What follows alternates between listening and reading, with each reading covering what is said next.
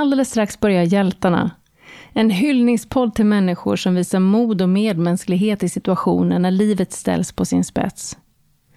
Här lyfter vi goda exempel och podden är perfekt för dig som gillar att lyssna på starka berättelser från verkligheten.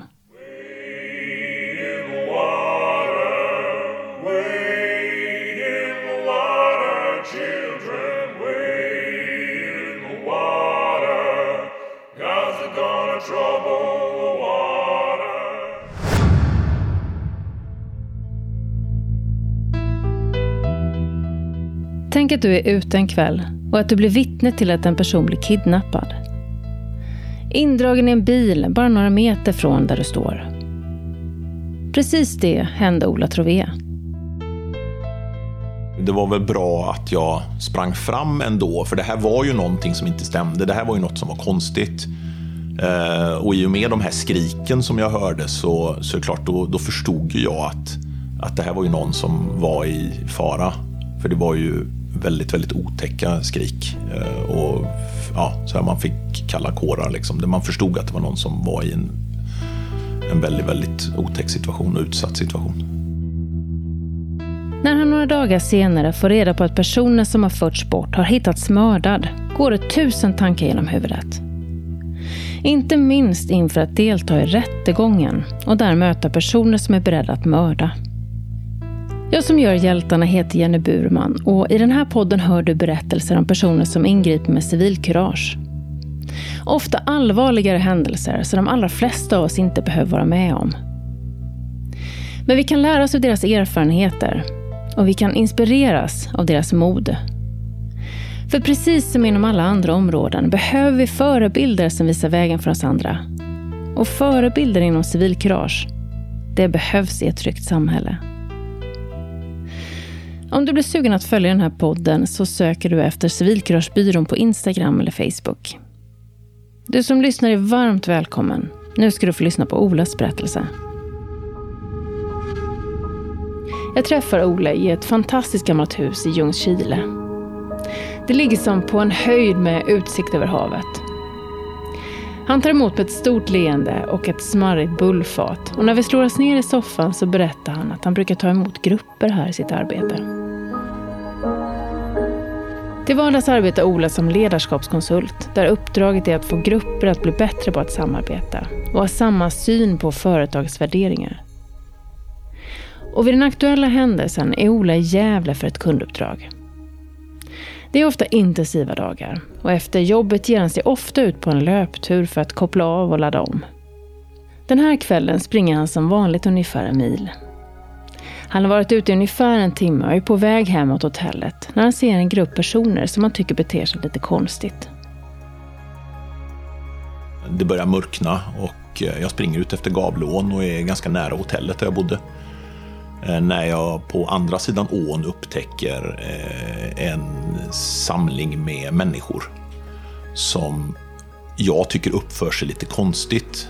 Men jag tänker från början att det är säkert, ehm, det är säkert ett gäng ungdomar bara som skojbråkar med varandra, för de är väldigt nära varandra. Det är liksom en grupp människor som nästan sitter ihop.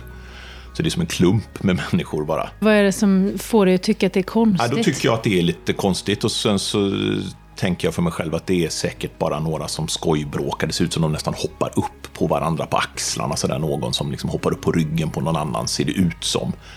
Eh, men sen hör jag något ljud eh, som gör att jag tänker att ja, men det, det är något som inte stämmer här.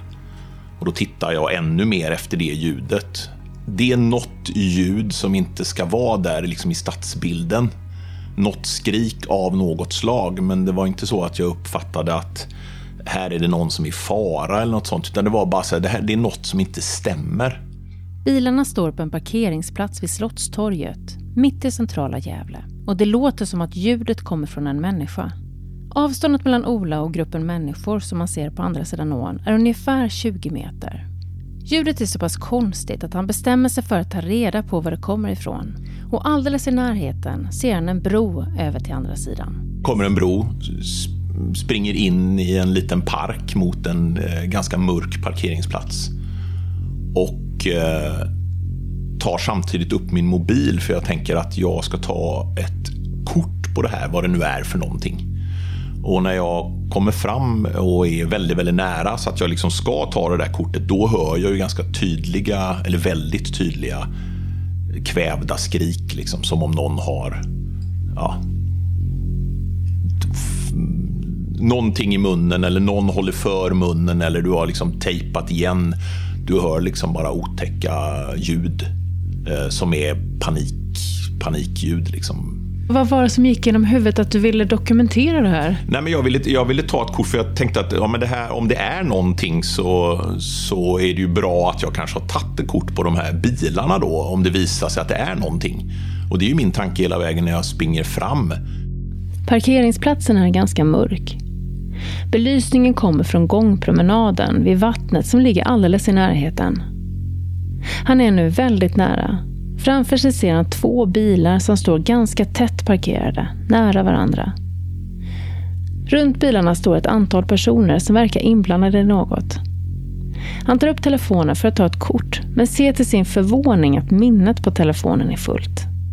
Eh, och i samma stund som jag då trycker av och tittar upp, då tittar ju också två stycken utav de här männen upp emellan de här två bilarna. Då. Eh, och då har de sådana här rånarluvor på sig och då fattar jag att shit, jag är på fel ställe just nu eh, och jag är lite för nära dem. Med ett avstånd på cirka fem meter befinner sig plötsligt Ola i ett livsfarligt läge. Eh, och de blir ju lika förvånade som mig, för det, de hade ju två stycken bilar och det var panik liksom, runt de här bilarna. Det, någon kom åt en tuta och de kommunicerade och skrek åt varandra. Och, så det var väldigt stökigt runt de här bilarna när jag kom fram. Ehm, så att, ja, dörrarna stod ju öppna, så därför så hörde jag ju de här skriken ganska tydligt. Då. Och är det bara de här två bilarna som står eller är det flera bilar? Nej, det står ju ett par stycken andra bilar också, men de här två står inbackade och klara för att sticka iväg snabbt då, det märks ju. Ola flyr från platsen så snabbt han kan. Och samtidigt som han springer därifrån tar han upp telefonen och ringer 112. Och samtalet kopplar ju fram eh, ungefär samtidigt som de här bilarna med skrikande däck då eh, lämnar parkeringen och sticker iväg då. Då beskriver jag vad jag har sett och, och ger då eh, registreringsnumret eh, på en av bilarna. Då. Och i all den här villevallan så lyckas jag kasta om någon siffra och någon, någon eh, även någon eh, bokstav. Eh, men, men det är ju liksom själva upptakten till det här. Ett poddtips från Podplay. I podden Något Kaiko garanterar östgötarna Brutti och jag, Davva, dig en stor dos skratt. Där följer jag pladask för köttätandet igen. Man är lite som en jävla vampyr. Man har fått lite blodsmak och då måste man ha mer. Udda spaningar, fängslande anekdoter och en och annan arg rant. Jag måste ha mitt kaffe på morgonen för annars är jag ingen trevlig människa. Då är du ingen trevlig människa, punkt. Något Kaiko, hör du på Podplay. Därför är gardinerna. För än så länge vet inte Ola vad han har bevittnat. När han hör bilarna sladda iväg stannar han och han känner att den direkta faran är över. Men med tanke på rånarluvor, de halvkvävda skriken och bilarnas rivstart så förstår han att det är någon form av allvarligt brott som han har bevittnat. Det var väl en känsla av att okej, okay, det var väl bra att jag sprang fram ändå, för det här var ju någonting som inte stämde. Det här var ju något som var konstigt. Eh, och i och med de här skriken som jag hörde så, så är det klart, då, då förstod jag att, att det här var ju någon som var i fara.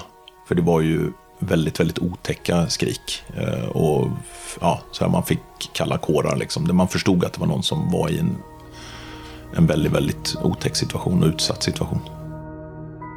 Ola återvänder till hotellet och dagen på är han tillbaka på jobbet. Han träffar samma grupp som dagen innan och berättar om det konstiga han var med om under sin löprunda. Och förutom samtal från polisen flyter allt på som vanligt. Till en början. Den andra dagen därefter att det hade hänt, eller dagen efter det hade hänt, så, så var jag... Då hade vi ytterligare ett telefonförhör.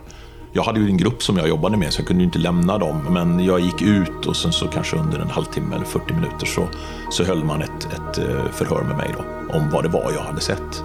Eh, och sen gick det ju några dagar och sen så fick jag ju ett telefonsamtal från en av dem som var med där. Som berättade då om att, att det stod om att det var en person som hade blivit mördad. Då. Och då gick det ju upp, då förstod ju jag vad det var som jag hade sett då. Eller jag gissade att det var det som jag hade sett då. Nej, men som jag minns det så berättade den personen att, att det var en person som hade, eh, som hade blivit bortförd och där de hade eh, hittat den här personen i en utbränd bil då, eh, mördad. Och vad kände du då? Nej, då blev det ju, då, då kändes det ju väldigt otäckt och väldigt olustigt såklart att, att ha varit så nära någonting. Och kanske hade det varit tuffare för Ola om han hade sett personen som blev bortförd. Eller om han direkt på något sätt hade förstått vad det handlade om. I och med att jag inte visste vad det var som hade hänt så var det inte så att jag gick runt och tänkte på det. Jag låg inte sömnlös på natten. Och, och, och, utan det var mer av att jag undrar vad det här var för någonting. Jag tänkte ju inte att det, att, det liksom, att det skulle vara det här som var det absolut värsta som kunde hända, att någon blev brakt om livet. Det, hade ju, det fanns ju inte på kartan för mig. Tanken har slagit mig, vad hade hänt om jag hade sett den personen som var i fara?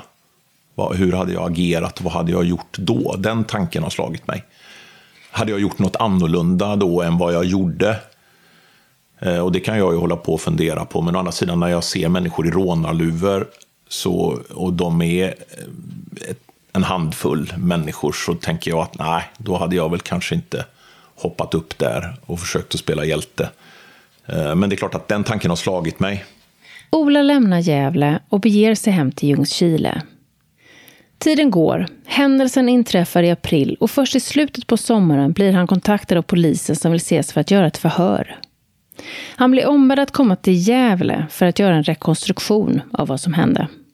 Och, eh, vi går upp halv fem på morgonen tror jag för att det skulle vara samma ljusförhållanden som det var då den kvällen i april. Då. Eh, så vi gick upp tidigt på morgonen och träffades utanför polishuset och sen gick vi, det är ju bara ett kvarter ifrån den här platsen, så gick vi bort. Och det var ju massor med folk. Det var ju advokater och det var åklagare och det var förhörsledare och sen var det en ganska stor grupp med sådana här figuranter då som, som var poliser. Och sen så åkte de i en eh, polisbuss och filmade och spelade in mig samtidigt som vi gick, jag och förhörsledaren, då, den vägen som jag sprang. Och så fick jag tala om då att, ja men vänta nu, de ska vara tätare ihop och de ska vara lite längre fram. Och... Ola förstod direkt när han såg rånarluvorna och bilarna som rivstartade att hans vittnesmål skulle bli viktigt. Och det var en insikt som han hade stor hjälp av.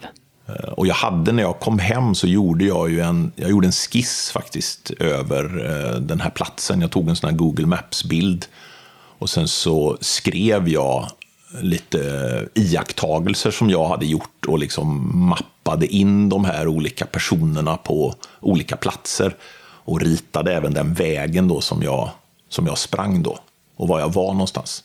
Alltså du gjorde det direkt när du det gjorde hem? jag direkt när, jag, när det här hade inträffat, när jag fick höra att, det var ett, eh, att någon hade blivit mördad. Då, då, då gjorde jag det, för det var ju ganska tätt inpå, det var ju bara en vecka efter. Hade du hjälp av det sen? Ja, men det var ju bra för att det, ja, men det hjälpte ju mig att, att, att eh, hålla lite koll på tankarna, för det blir ju, alltså det försvinner ganska snabbt alltså, med antal människor eh, och så vidare. Men, men vissa saker var ju väldigt tydliga och var ju väldigt viktiga. Det var en stor grej under rättegången. De frågade hur många de var och så vidare. Och då uppgav jag en siffra då i, eh, i det initiala förhöret och sen så uppgav jag en annan siffra då ett år senare, eller vad det var, eh, när eh, rättegången var. Eh, och det är, liksom, ja, men det är svårt, att, det är svårt att minnas. Klungan med människor den minns jag ju, men det, det korrekta antalet med människor som är tätt ihop, det är ju ganska svårt. Ja, men var de fem? Var de sex? Var de sju? Var de åtta? Var de fyra? Ja, men fyra var de inte, för det, då hade det ju inte blivit en klunga. Liksom. Det är för lite folk. Utan ja, men de var några fler, men det är, ju, det är svårt. För det var många personer som var inblandade i brottet. Den omfattande utredningen har pekat ut 18 personer som misstänkta för inblandning i mordet. Av dem åtalades till slut nio personer. Och på platsen där mannen blev bortförd var det särskilt en person som var av intresse för utredningen. Jag ser en person som de passerar på den här gångstigen då på andra sidan ån. Eh, och det är en person som då också är med i det här. Och jag ser samma person stå vid bilarna. Och det är för övrigt då en person som flera andra vittnen också har sett, fast på mycket närmare håll än vad jag har sett den här personen. Eh, så vi har sett ungefär samma sak fast från lite olika håll. Då. Jag ser personen från andra sidan ån, jag kommer över bron och fram mot bilarna och under den tiden när jag har börjat springa över bron då har den personen börjat röra på sig. När du gör den här vad säger man, rekonstruktionen mm, av, mm. Av, av, vad du har sett, vad, vad får du för information av polisen? Jag får ju ingen information om vad det här handlar om, det här bortförandet. Och det, ingen sån information får jag. Och jag tänker ju så här då att okej, okay, men det är det här som jag det är det här som jag ska göra. Jag är med på den här inspelningen och that's it. Sen har jag gjort det som jag ska och så kan jag fortsätta med mitt liv. Det var ju det som jag trodde. Att det skulle räcka. För ställer du inte frågan till polisen att eh, du, jag har läst det här i tidningen. Är det det som jag har sett? Jo, men det, men, men det, var, de ju, det var de ju tydliga med att det som jag hade sett hörde ihop med eh, den, den här eh, det här mordet, det, det fick jag ju reda på. Så, så långt var, det var jag på det klara med. Personen som är särskilt intressant på platsen är tidigare flickvän till mannen som blev mördad. Deras relation är motivet till att familjen såg ett behov av att återupprätta familjens heder. Och under den aktuella kvällen har hon agerat lockbete för att få mannen till bilarna. Ola hade till en början trott att det skulle räcka med att delta i rekonstruktionen. Så när vittnesmål i rättegång kommer på tal väcker det starka olustkänslor. Det handlade ju om mord och personerna som står åtalade är beredda att gå långt. Jo, men det, det, fanns, en, det fanns en rädsla kring, kring att vittna. Man har familj och jag har liksom barn och, och tänker att jag lever ett liv där jag inte har jag har inga ovänner på det sättet. Och så tänkte jag att undra vad som kan hända då med det här. Och diskuterar ni eh, någonting, att, eh, skydd som du skulle kunna få från polisen?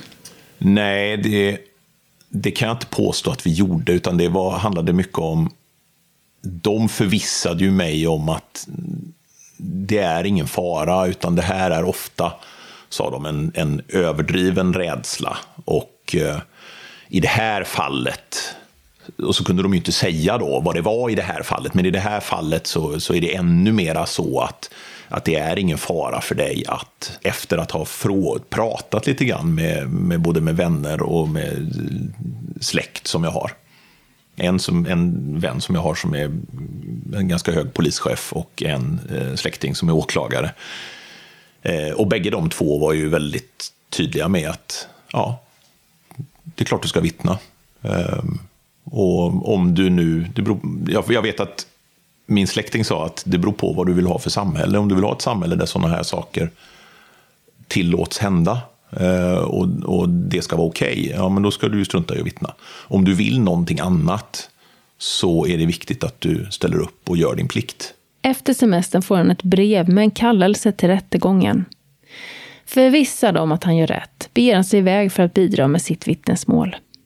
Jag åkte dit och det var på förmiddagen och så kom jag in och fick gå igenom en sån här eh, metalldetektor som en säkerhetskontroll. Då man fick lägga av sig liksom väska och allting sådär, ungefär som på en flygplats. Eh, de hade en person som var ett vittnesstöd eh, som satt där och som frågade mig om jag hade varit med om det här förut. Och det sa jag att jag inte hade.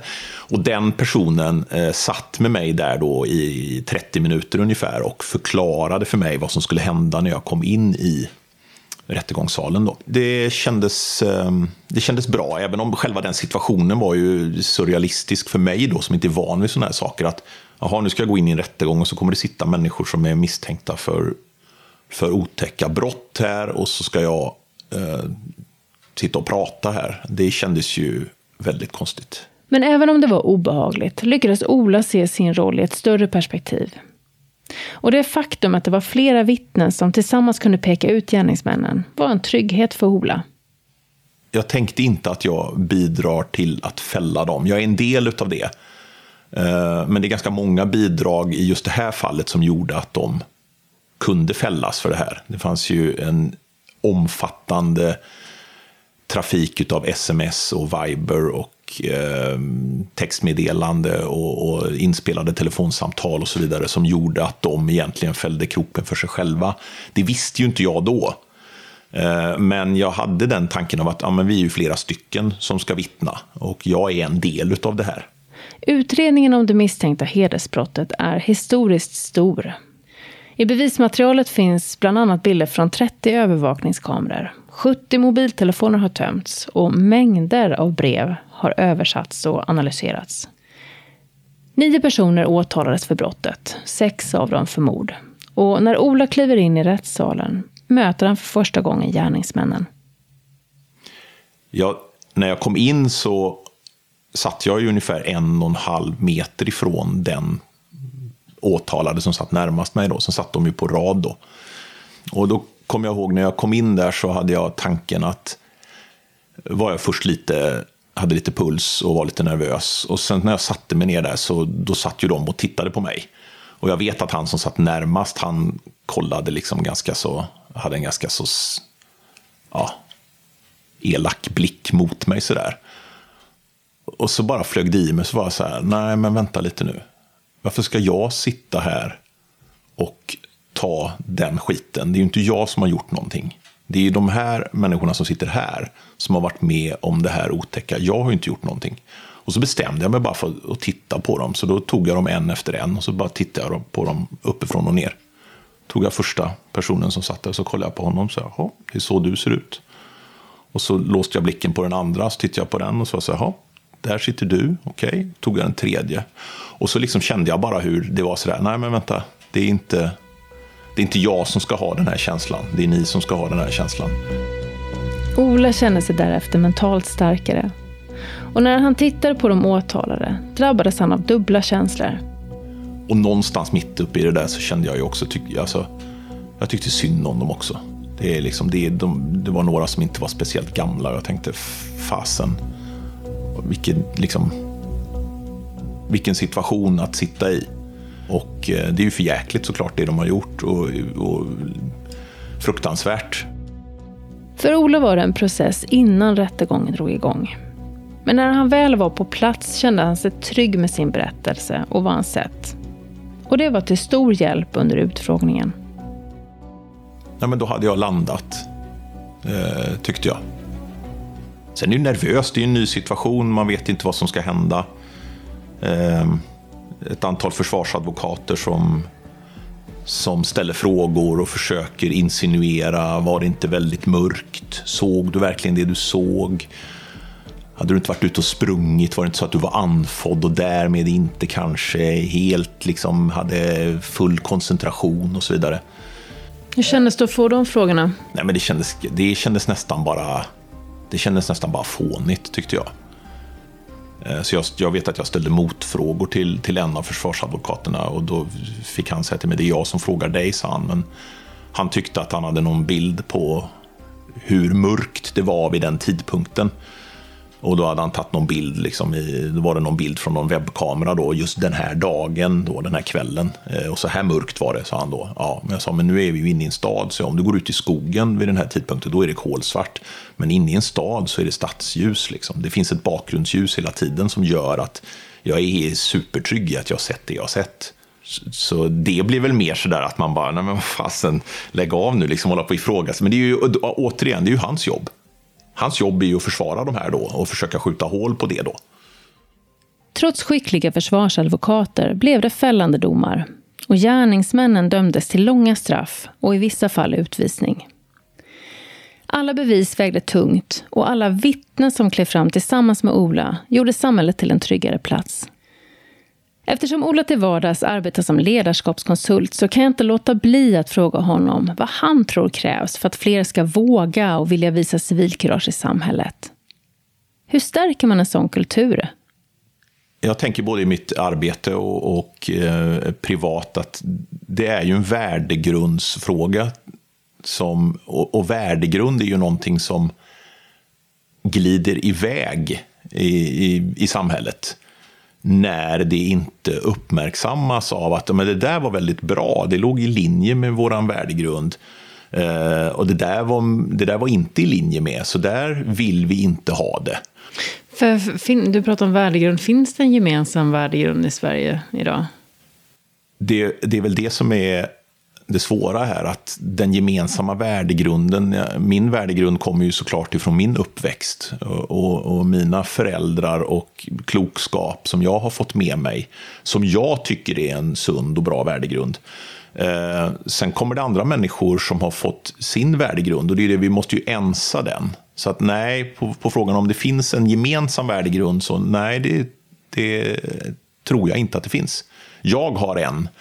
Eh, och jag brukar säga det när jag är ute i en organisation, så brukar jag säga att vi, vi ska prata om sunt förnuft idag och det vi egentligen ska göra det är att vi ska enas om vad som är sunt förnuft på den här arbetsplatsen. Eh, är det sunt förnuft att vi säger god morgon när vi kommer på morgonen? Är det sunt förnuft att man eh, hjälper en kund om man ser att det är någon som behöver hjälp? Eller är det så att nej, jag sköter mitt och så får någon annan göra sitt?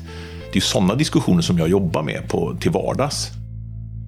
Att prata om vår gemensamma värdegrund i samhället är intressant. För vad är det som är okej egentligen? Och hur ska vi bete oss mot varandra? Det finns inget enkelt svar och alla har sina egna uppfattningar och sanningar. Och just därför är det ju en så himla viktig diskussion att ha. Inte minst eftersom våra insatser inom bland annat civilkurage är så viktiga för tryggheten. När man pratar om samhällskontraktet är det oftast utifrån vad vi kan förvänta oss av samhället. Men vad är det vi pytsar in i samhällskontraktet? Kan man tala om en plikt att ställa upp för samhället? Och vad består då den plikten av? Vilka värden är det som vi ska leverera in? Olas vän ger ett råd som låter något i stil med att tänk igenom dina handlingar och låt dem styra hur du vill att samhället ska utformas. Och för vissa tror jag att det är en vägvisare som räcker gott och väl. Utöver det här så tänker jag att det finns vissa saker som jag tar med mig från Olas avsnitt. Både hur viktigt det är att tänka på sin egen säkerhet när man ingriper. Men också, om man blir vittne så är det ju vansinnigt smart att skriva ner allt som man har sett så fort som man bara har möjlighet. Tusen tack Ola för att du delar din berättelse, dina erfarenheter och tankar och reflektioner. Och tack du som har lyssnat. Jag heter Jenny Burman och jag hoppas att du vill lyssna snart igen. Hej då!